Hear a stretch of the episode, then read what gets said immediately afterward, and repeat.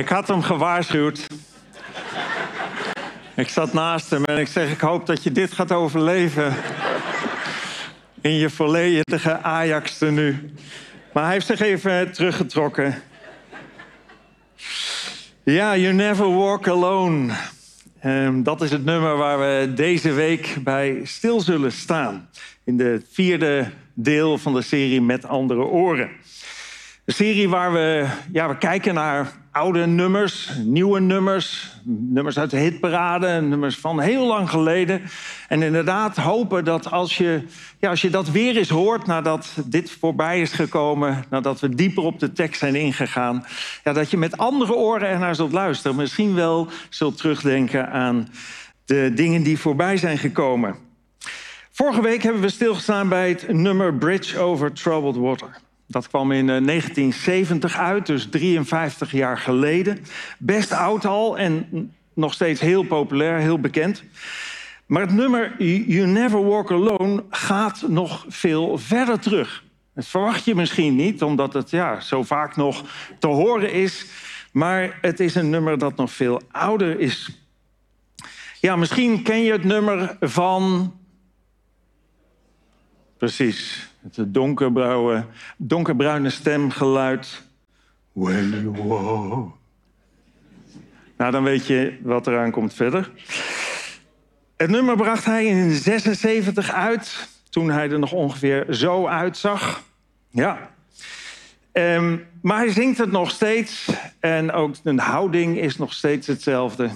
Hij kijkt omhoog, zijn handen gaan naar de glimmende hemel die zeg maar voor je in het verschiet ligt. Nou, deze versie groeide later uit tot een favoriet nummer onder de aanhangers van voetbalclub. Ik hoef het niet meer te zeggen. Feyenoord, inderdaad. Ja. De bekendste versie is van de Liverpoolse band Gary and the Pacemakers, die het nummer in 63 al opnamen. En het werd direct het volkslied voor de fans van de voetbalclub Liverpool. Dus op een, een of andere manier doet dit lied iets onder voetbalfans. Nou, het kan ook zijn dat je het nummer kent van andere artiesten, want er zijn verschrikkelijk veel artiesten geweest al die het nummer gecoverd hebben. En het gebeurt nog steeds. Het originele nummer is geschreven door de Amerikaanse componist en theaterproducent Richard Rodgers. Samen met de Amerikaanse componist en librettist Oscar Hammerstein II. Ja, wat is een librettist? Vraag je je misschien af. Ik snap niet dat je het afvraagt. Dat hoort toch bij algemene ontwikkeling, dat soort dingen te weten. Ik heb het even voor je opgezocht, ik wist het ook niet. Ehm, libretto is het Italiaans voor boekje. En dat staat onder andere voor de tekst, maar niet alleen de tekst, maar ook regieaanwijzingen. En, en het wordt ook wel gebruikt voor boekjes die werden gebruikt bij opera's en operettes, waar de tekst in stond, omdat de tekst vaak moeilijk te volgen was. Ehm, daar gaat dat over. Dus het gaat niet alleen over tekst die door hem geschreven werd, door deze Hammerstein, maar ook door ehm, ook de regieaanwijzingen daarbij. Deze twee mannen hebben diverse grote Broadway musicals geschreven. De grootste productie, het grootste aantal dingen wat geproduceerd werden kwam van Rodgers. Hij schreef 37 musicals maar liefst. Eh, de muziek voor 10 films en 1500 muzieknummers. Dan moet je toch wel een enorme inspiratie hebben en creativiteit. Samen werden ze bekend met ja, de voor ons ook bekende musicals als uh, South Pacific, en maar vooral ook The Sound of Music, die uh, we waarschijnlijk allemaal kennen. Het nummer You Never Walk Alone uh, schreven ze voor de musical Carousel. die voor het eerst werd opgevoerd op Broadway in 1945. Dus daar um, ligt het, de geboorte van dit nummer, 78 jaar geleden. En nog steeds komt het heel regelmatig voorbij. Het is een volledig tijdloos nummer geworden. Het nummer You Never Walk Alone werd gezongen door het karakter Carrie Pipperidge in die musical. Zij zingt het voor haar vriendin Julie Jordan, die net haar echtgenoot heeft verloren. En Carrie probeert Julie te troosten en haar te laten zien dat ze niet alleen is in haar verdriet. Het nummer is een belofte eigenlijk van steun en van hoop. En daarom wordt het ook heel veel gezongen op begrafenissen van allerlei situaties waar, waar, waar moeite is, waar pijn is, waar eenzaamheid is, waar verdriet is. You never walk alone. Als je door een storm loopt, komt er in de tekst voorbij, houd je hoofd omhoog. En wees niet bang voor de duisternis, voor de moeite. Aan het einde van een storm is er een gouden hemel en het zoete zilveren lied van de leeuwerik. Loop door, door de wind, loop door, door de regen, ook al vallen je dromen in duigen. Loop door, loop door met hoop in je hart. hoop doet leven, hou hoop, kijk naar wat er komt. Je zult nooit alleen lopen, je zult nooit alleen lopen. Dat komt maar steeds voorbij, is natuurlijk ook de titel. Prachtige woorden. You never walk alone. Maar de realiteit is dat steeds meer mensen wel alone walken. Wel eenzaam zijn. Waar niemand in de pijn en moeite die ze ervaren met hen mee oplopen. Het sterk toegenomen individualisme wordt daarbij als een van de belangrijkste redenen gezien. Individualisme staat voor onafhankelijk in je gedrag en zelfstandig in je denken. Onafhankelijk in je gedrag en zelfstandig in je denken. En die ontwikkeling heeft een enorme boost eh, gegeven aan de sterk toegenomen eenzaamheid. Een steeds groter wordend probleem. In eh, serie 3 van B&B eh, Vol Liefde, misschien ben ik nu de helft van de zaal ongeveer kwijt. Of waarschijnlijk een kwart. De helft zegt we kijken, een kwart zegt niet dat ze kijken, maar doen het wel. En het andere kwart kijkt het echt niet.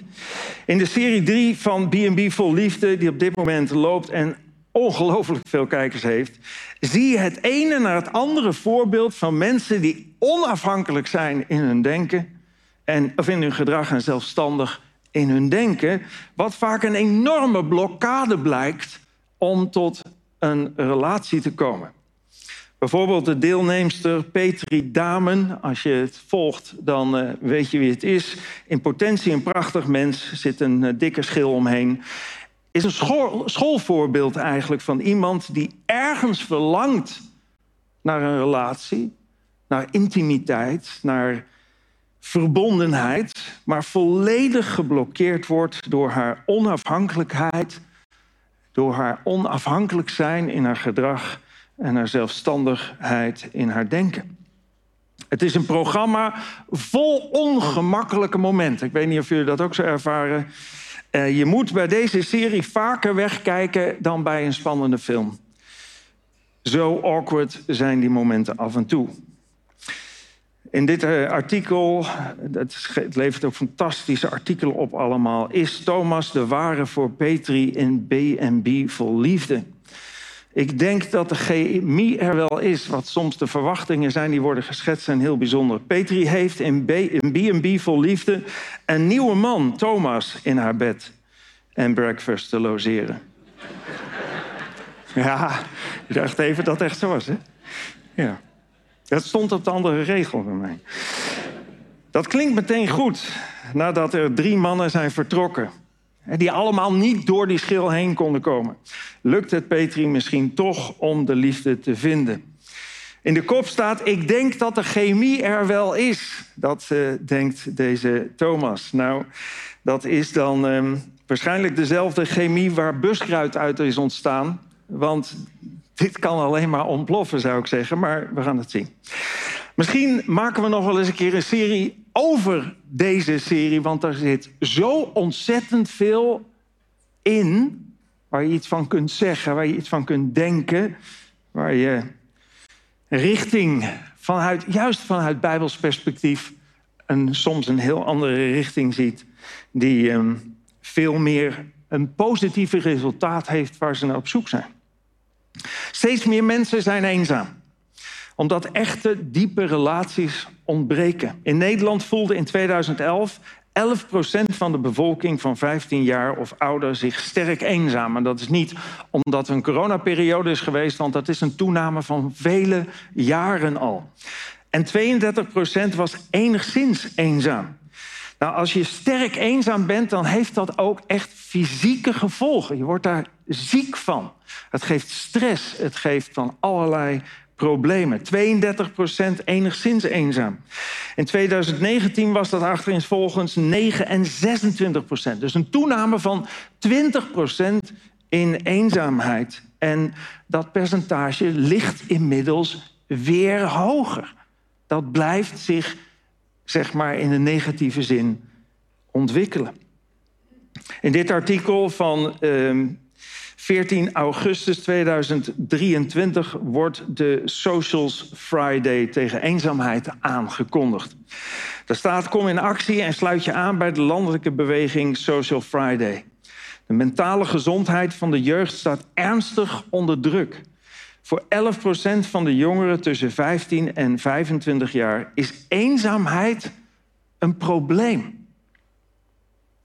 Eenzaamheid wordt ook gezien als een van de belangrijke redenen dat steeds meer jongeren een einde maken aan hun leven. Zo diep kan het ingrijpen in het leven van de mens, eenzaamheid. En ook die cijfers blijven maar stijgen. De toename van eenzaamheid is niet alleen in Nederland te zien, maar in andere landen. Het is een probleem wat eigenlijk op de hele wereld zichtbaar is. Een recente studie van de Wereldgezondheidsorganisatie heeft aangetoond dat de wereldwijde prevalentie van eenzaamheid, dat wil zeggen hoe vaak eenzaamheid daadwerkelijk voorkomt, is gestegen van 14% in 2015 tot 26% in 2020. En ook dat is niet corona gerelateerd, dat is een constante stijging, wat nu al bijna een verdubbeling is en dat gaat door. En wat wordt gezien als reden daarvoor? Ik heb het net eigenlijk al gezegd. Maar naast Er zijn nog wat redenen te noemen. Naast technologische, de technologische revolutie, hè, waar, we, waar we in contact kunnen zijn met bijna iedereen over de hele wereld, maar waarbij al die contacten die we hebben, die veel meer zijn dan we vroeger hadden, steeds ondieper en oppervlakkiger worden. Als je niet meer bevalt, dan stop je ermee, dan swipe je iemand weg of hoe dat dan ook gaat. Maar de contacten zijn meer, maar minder verbonden. Daarnaast is de vergrijzing natuurlijk een reden hè, dat, dat dit, die eenzaamheid ontstaat en groeit. Maar de toename van het individualisme wordt gezien als de grootste oorzaak van de enorme explosie, eh, enorm explosieve toename van eenzaamheid. Individualisme is een relatiekiller. En eenzaamheid is daarvan onder andere het gevolg. Het individualisme in het Westen heeft misschien wel de grootste boost gekregen tijdens de Franse Revolutie, eind 18e eeuw. Waar het streven naar vrijheid, autonomie, auto, vanzelf, nomos, wet, waar je zelf de wet maakt, waar ik bepaal zelf wel wat ik doe, waar vrijheid, het streven naar vrijheid, een enorme impuls kreeg, waar het streven naar gelijkheid een enorme boost kreeg Weg met alle rangen en standen. Ik bepaal zelf wel wat ik doe. Hetgeen helaas geleid heeft niet tot een toename van broederschap, wat het derde onderdeel is van de, van de leus van de Franse Revolutie. Vrijheid, gelijkheid, broederschap. Maar vrijheid, gelijkheid brachten geen broederschap. Het verlichtingsdenken, het rationalisme, die, dat sterk opkwam ook in die tijd. Hè, dat alles rationeel, dus met ons verstand verklaard moet kunnen worden. Hè. Het bovennatuurlijke is niet nodig, bestaat niet meer. Het speelde allemaal mee in het ontstaan van de Franse Revolutie. Massaal werden mensen op de been gebracht om af te rekenen met de onderdrukking van de machthebbers. En dat waren vaak in eerste instantie was dat de kerk. De Rooms-Katholieke kerk, waar, waar macht werd uitgeoefend uh, over mensen, waar mensen onderdrukt werden. En ook door de adel. En uh, ja, zo was het dat de standensamenleving die Frankrijk kende, um, bestond uit de geestelijkheid en de adel die eigenlijk regeerde over 97% van het volk maar op een heel negatieve manier. En de mensen waren dat zat. En als door de duivel bezeten heerste de kerk en de adel in die tijd over het volk. En verrijkte zichzelf. Ik moet het met, met schaamte zeggen. Dat mensen die, die zeggen God, de God van de Bijbel te vertegenwoordigen... op zo'n manier omgingen met mensen. Maar net zo goed door de, als door de duivel bezeten vond de revolutie plaats. Je zou kunnen zeggen, ik geloof dat niet alleen God bestaat als de oorzaak van hemel en aarde, als schepper, als bron van liefde en leven. Ik geloof ook dat het kwaad bestaat. Jezus noemt hem de leugenaar, de vader van de leugen. Hij die er alles aan doet om kapot te maken wat God heeft gecreëerd. En als door de duivel bezeten heerste dus de kerk en de adel en verrijkte zichzelf. Maar net zo goed als, dat, als door de duivel bezeten vond de revolutie plaats. De duivel was de aanleiding eigenlijk, of de aansporing om over het volk te heersen. Maar helaas was de duivel ook degene die de oplossing bood. Van de wal in de sloot. Dat is wat zijn manier van werken is. En ook in dit geval van kwaad tot erger. In de Bijbel vind je veel vormen van hiërarchie, van, van, van je zou kunnen zeggen verantwoordelijke, die aan een aantal mensen, die voor een aantal en over een aantal mensen verantwoordelijkheid hebben. En in de Bijbel vind je ook om in die hiërarchie, in die, in die rangen zou je, of die standen zou je kunnen zeggen, om daar aan mee te doen aan kinderen wordt geboden hun ouders onderdanig te zijn en gehoorzaam te zijn. Aan werknemers wordt geboden om hun werkgevers onderdanig te zijn. Je komt het allemaal in de Bijbel tegen. Aan het volk wordt geboden aan hun overheid onderdanig te zijn. Alles heeft zijn grenzen over zich, overigens, maar over het algemeen is dit het uitgangspunt. En misschien wel de lastigste in deze tijd. Aan de vrouw wordt geboden aan een man onderdanig te zijn. En de Franse Revolutie was een logische opstand tegen deze op de Bijbel gebaseerde onderdanigheid, waar het volk sterk onder te lijden had. Maar wordt er dan, zeg ik dat, vanuit de Bijbel een systeem gepromoot waar vrouwen, kinderen, werknemers en het volk onder gebukt gaan? Nee, natuurlijk niet. De kern van de Bijbel is juist gericht op liefde. En juist gericht op het leven mooier en beter te maken en niet slechter. Het hele hiërarchische systeem dat je in de Bijbel tegenkomt, heeft als doel om in goede harmonie met elkaar te kunnen leven. Waarbij, en dat is belangrijk, de leider in iedere situatie vanuit de Bijbel de opdracht heeft om een dienaar te zijn van hen waaraan hij leiding geeft. En daar ging het precies mis. De mannen heersten over hun vrouwen. De vrouw werd stelselmatig onderdrukt in die tijd en als minder waardig beschouwd. De kerkleiders heersten over hun kerkleden. De overheid heerste over het volk.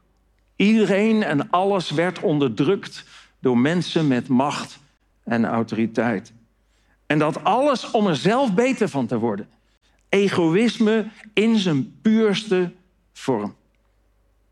Het kwaad, de tegenstander van God, is de bron van die leugen. Ik zei het net al. De bron van die haat en chaos en nog veel meer ellende. En deze macht heeft voor ogen om kapot te maken wat God heeft gecreëerd. En er was niet alleen de oorzaak van de ellende die leidde tot de Franse Revolutie, maar hij bood ook de oplossing. Zo is hij dan ook wel weer. We moeten gaan voor gelijkheid. Weg met iedere vorm van rangorde. Hetgeen alleen maar leidt tot chaos. We moeten gaan voor vrijheid. Ieder bepaalt zelf wat hij doet en wat hij wil en hoe hij denkt en wat zijn waarheid is. Wat uiteindelijk de sterke impuls is voor de ik-gerichtheid en de individualisering in onze wereld. En dit alles zou broederschap moeten bewerken, wat mooi klinkt, maar nooit gaat gebeuren. Daar kan geen broederschap, geen verbondenheid uit ontstaan. Daar kan alleen gebrokenheid en eenzaamheid en chaos uit ontstaan. En deze logische Franse revolutie, deze logische opstand, leidde de mens eigenlijk van kwaad tot erger. Het ging van een onbijbelse manier van leven door de heersende macht naar een nog onbijbelse manier van leven door een veel grotere groep, door het volk. En ik geloof persoonlijk dat de richtlijnen die door God zijn gegeven, juist gegeven zijn om het leven mooi te maken. Om met verbondenheid, met ook in verbondenheid met elkaar te leven, om liefde ook echt te laten functioneren. Maar daar is niet veel meer van over. We hebben God in het Westen in toenemende mate weggedaan. En daarmee ook al deze uitgangspunten. En hebben eigenlijk die vrijheid, gelijkheid en alles wat daarbij meekomt omarmd. En lijken niet te zien wat de gevolgen daarvan zijn. You never walk alone, maar het omgekeerde gebeurde. En met het tot, tot stand komen van de universele verklaring van de rechten van de mens zie je precies hetzelfde gebeuren. Ook dat gaat van kwaad tot erger. Dan zeg je misschien, sorry, maar hoe kan dat nou van kwaad tot erger gaan? Nou, natuurlijk zijn ook hier de intenties goed geweest. Er is veel onrecht in de wereld, altijd geweest. En de universele verklaring van de mens moest daar verandering in brengen. Er moest opgetreden worden. Maar ook hier is het duivelse spel te herkennen. Het onrecht komt uit de koker van het kwaad, maar de oplossing in dit geval wederom ook. Want ik heb recht op stimuleert wederom het egoïsme. En in het verlengde daarvan het individualisme. Wat de dood in de pot is voor iedere relatie. Want een relatie waar liefde eigenlijk de relatie zou moeten domineren, kan niet functioneren in een omgeving die ik gericht is. Waar egoïsme heerst en waar gedacht en gehandeld wordt vanuit ik heb recht op. In dat programma B&B Vol Liefde hoor je ook steeds dat hun zoektocht gericht is op alleen maar hun persoonlijke verlangens. Ik zoek een partner die dit aan me geeft en die dat voor me doet en die zus met me meedenkt en die dit. Het, één op, één, lijst van dat soort dingen hoor je voorbij. Nooit wat kan ik betekenen voor de persoon. Zou ik iemand kunnen vinden waar ik mijn liefde aan kan geven, die ik kan beschermen of onderhouden of, of wat er dan ook bij hoort? Maar als het steeds op jezelf gericht is, nou veel succes met die relatie, want dat gaat niet werken. En is ook de reden dat in Nederland één op de twee huwelijken, wat toch een heel definitief verbondenheid is, of, het, of een samenlevingscontract, dat één op de twee van die relaties uit elkaar gaan. Met alle gevolgen van dien. Ga nooit een relatie aan om gelukkig te worden, zegt de Bijbel eigenlijk, maar om gelukkig te maken. Dat is de enige manier om zelf gelukkig te worden. Als je gefocust bent op jezelf, word je nooit gelukkig. Als je gefocust bent op het geluk van de ander, brengt je dat het grootste geluk. De Bijbel definieert liefde als volgt. De liefde is, dat zijn de karaktereigenschappen van liefde. En dan zie je ook dat liefde een werkwoord is en niet een gevoel. Liefde is geduldig en vriendelijk. Dus, dus wil je een mooie relatie en wil je geen eenzaamheid, wees dan geduldig en vriendelijk naar je omgeving en naar je partner. Liefde wordt niet jaloers. Liefde schept niet op en vindt zichzelf niet vreselijk belangrijk. Liefde zegt of doet geen onaardige dingen en denkt niet alleen aan zichzelf. Liefde is dus niet egoïstisch. Liefde raakt niet verbitterd. Liefde heeft geen lange tenen. Liefde geeft, vergeeft als een ander iets verkeerd heeft gedaan. Liefde is niet blij met oneerlijke dingen, maar met de waarheid. En dat vergeven, wij, wij kennen bijna alleen nog maar voorwaardelijke relaties. Alleen als het allemaal gaat zoals ik het wil, houden we de relatie in stand en anders niet. Maar liefde is bereid om te vergeven als iemand iets verkeerd heeft gedaan. Liefde is niet blij met oneerlijke dingen, maar met de waarheid. Liefde vertelt fouten van anderen niet door, denkt altijd het beste van een ander en blijft altijd geduldig. In de Bijbel kom je niets tegen. Geen enkel thema gaat over dat waar je recht op hebt. Het gaat er in de Bijbel niet om om recht te krijgen, maar om recht te doen. In artikel 2 van de Universele Verklaring van de Rechten van de Mens staat: en ieder heeft aanspraak. Dat betekent mag een claim leggen, mag eisen of vereisen. Ieder heeft aanspraak op alle rechten en vrijheden in deze verklaring opgezomd. En dan volgt een enorm aantal artikelen. Er staat niet: een ieder moet recht doen. Moet de ander recht doen, moet verantwoordelijkheid nemen. Nee, er staat: ieder moet recht krijgen. Ik heb recht op. Zo is de opzet, zo wordt het gelezen en gehanteerd. En dat is precies het probleem. We komen hiermee van de wal in de sloot. En al deze ontwikkelingen, of het nou de Franse Revolutie is of de Universele Verklaring van de Rechten van de Mens, al deze ontwikkelingen lijken uit een goede bron te komen. Maar in werkelijkheid is het een hele slimme zet om de mensheid naar de knoppen te helpen. In de Bijbel staat, Satan zelf kan zich voordoen als een engel van het licht. En is dan ook geen wonder dat zijn handlangers zich voordoen als oprechte dienaren van God. En voor veel mensen veel mensen die hebben meegewerkt, misschien wel aan de revolutie of aan het tot stand komen van de universele verklaring van de rechten van de mens, geldt dat ze helemaal niet bewust een handlanger waren van het kwaad. Hebben waarschijnlijk met de beste bedoelingen aan deze veranderingen bijgedragen. Misschien vanuit humanistische idealen of vanuit welk ander idealisme dan ook. Maar niet vanuit een diepe verbondenheid met de God van de Bijbel. Met de creator van het leven. Met de schepper van hemel en aarde. En daar gaat het fout. Want we hebben geen revolutie nodig. En we hebben geen universele verklaring van de rechten van de mens nodig. Als we de uitgangspunten van de Bijbel en van God in ons leven toepassen. Ongetwijfeld zijn er mensen die baat hebben gehad bij dat wat de Franse revolutie heeft bewerkstelligd. Ongetwijfeld. En ongetwijfeld geldt dat ook voor de universele verklaring van de rechten van de mens. Maar per saldo, uiteindelijk is de wereld er hard op achteruit gegaan en zien we jaar na jaar een toename van lijden, verharding, verhuftering van de maatschappij. Toename van eenzaamheid, een toename van gebrokenheid.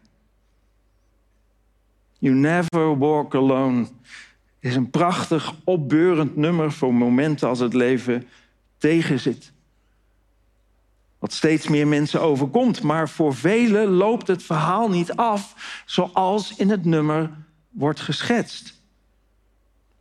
Het nummer kwam deze tekst voorbij. Aan het einde van een storm is er een gouden hemel. En het zoete zilveren lied van de leeuwerik.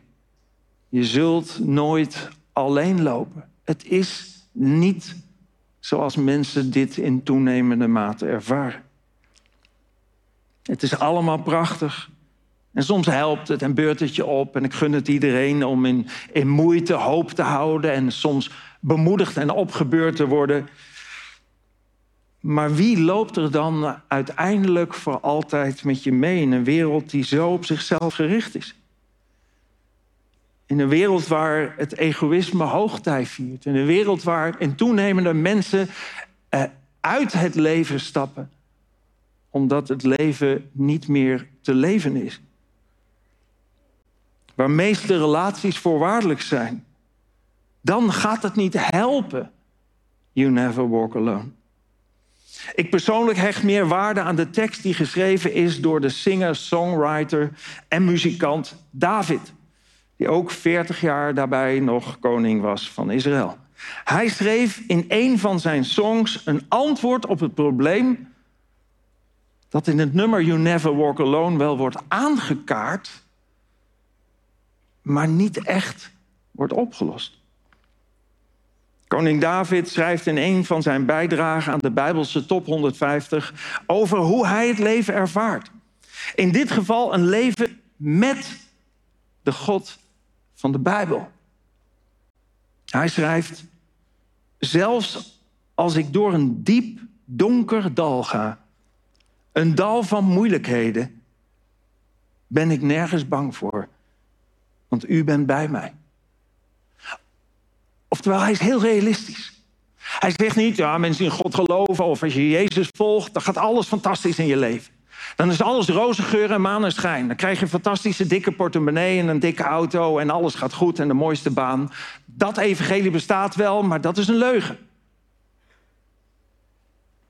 De realiteit is dat we leven in een wereld die stuk is. En ook al in zijn tijd. Zelfs als ik door een diep donker dal ga, zegt David, een dal van moeilijkheden die ook hij ervoer, ben ik nergens bang voor, want u bent bij mij. Hij spreekt over God, hij spreekt over Jezus. Hij weet, als ik in die moeite zit, ben ik daar never alone. Nooit. Met uw stok en uw herderstaf beschermt u mij en stuurt u mij. Er zit zowel correctie in als troost. Het troost mij dat u dat doet.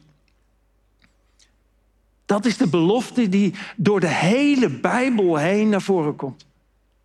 Laat je niet afleiden, laat je niet verleiden door die leugenaar die je van alles belooft, maar niks waarmaakt. En eigenlijk alleen maar zorgt dat je van de wal in de sloot komt, van kwaad tot erger. Volg mij. En daarom zei Jezus ook tegen de mensen in de tijd dat hij op aarde was: Kom naar mij. Jullie die vermoeid en onder lasten gebukt gaan. Hij zag het wel. Hij zag wel hoe moeilijk mensen het ook in die tijd al hadden. Neem mijn juk op je, zegt hij, en leer van mij. Want ik ben zachtmoedig en nederig van hart. Dan zullen jullie werkelijk rust vinden. Te midden van het tumult rust vinden. Want mijn juk is zacht en mijn last is licht. Een leven met Jezus. Zo heb ik het in mijn eigen leven ervaren. Ik ben op wat latere leeftijd tot geloof gekomen. Ik was 29.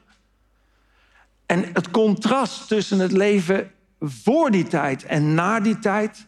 Een leven waarin ik net zo egoïstisch was en op geld belust en noem allemaal maar op. En een leven waarin ik dat steeds meer aan het afleren ging en nog steeds aan het afleren ben, is een enorm contrast. Dan herken ik die rust en die vrede en die hoop die de Bijbel belooft. Waar vrede en hoop centraal staat, dat is een leven met Jezus. Waar zijn aanwezigheid altijd centraal staat in vreugde en in verdriet.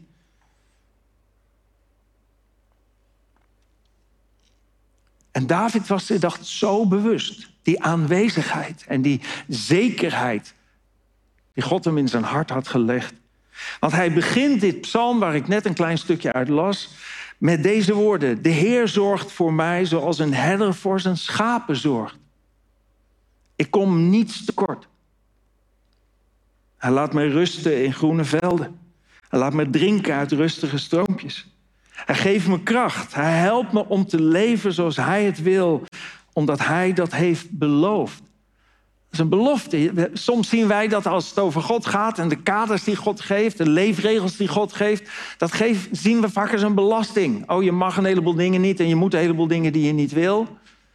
David zegt, hij heeft beloofd dat hij mij wil helpen om zijn wil te doen. Oftewel, dat is het beste wat ik kan doen, want daar word ik echt gelukkig van. Dat is de belofte die God aan ons doet in zijn woord. Dat is de belofte die Jezus deed. Volg mij. Neem mijn juk op je. En ik zal je rust geven. En dan geldt daadwerkelijk: you never walk alone. Ik wil graag afsluiten met gebed. Heer God, ik wil u zo danken voor uw grote liefde, voor uw trouw. Ik wil u zo danken, Heer Jezus, dat u naar deze wereld bent gekomen. Niet alleen maar om ons deze dingen te vertellen, maar, maar meer nog om uiteindelijk met uw eigen leven de prijs te betalen voor onze fouten en tekortkomingen. Dat u naar deze wereld kwam om de gebroken relatie die was ontstaan en is ontstaan vanuit ons gedrag en ons, ons van u afkeren, om die gebroken relatie heel te maken, te herstellen. Een weg vrij te maken. Daarom zegt u ook, ik ben de weg, de waarheid en het leven. Niemand komt tot de Vader dan door mij.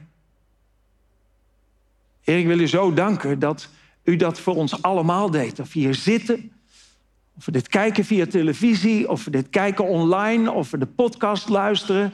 Voor iedereen strekt u uw hand uit en zegt: Kom, kom bij mij.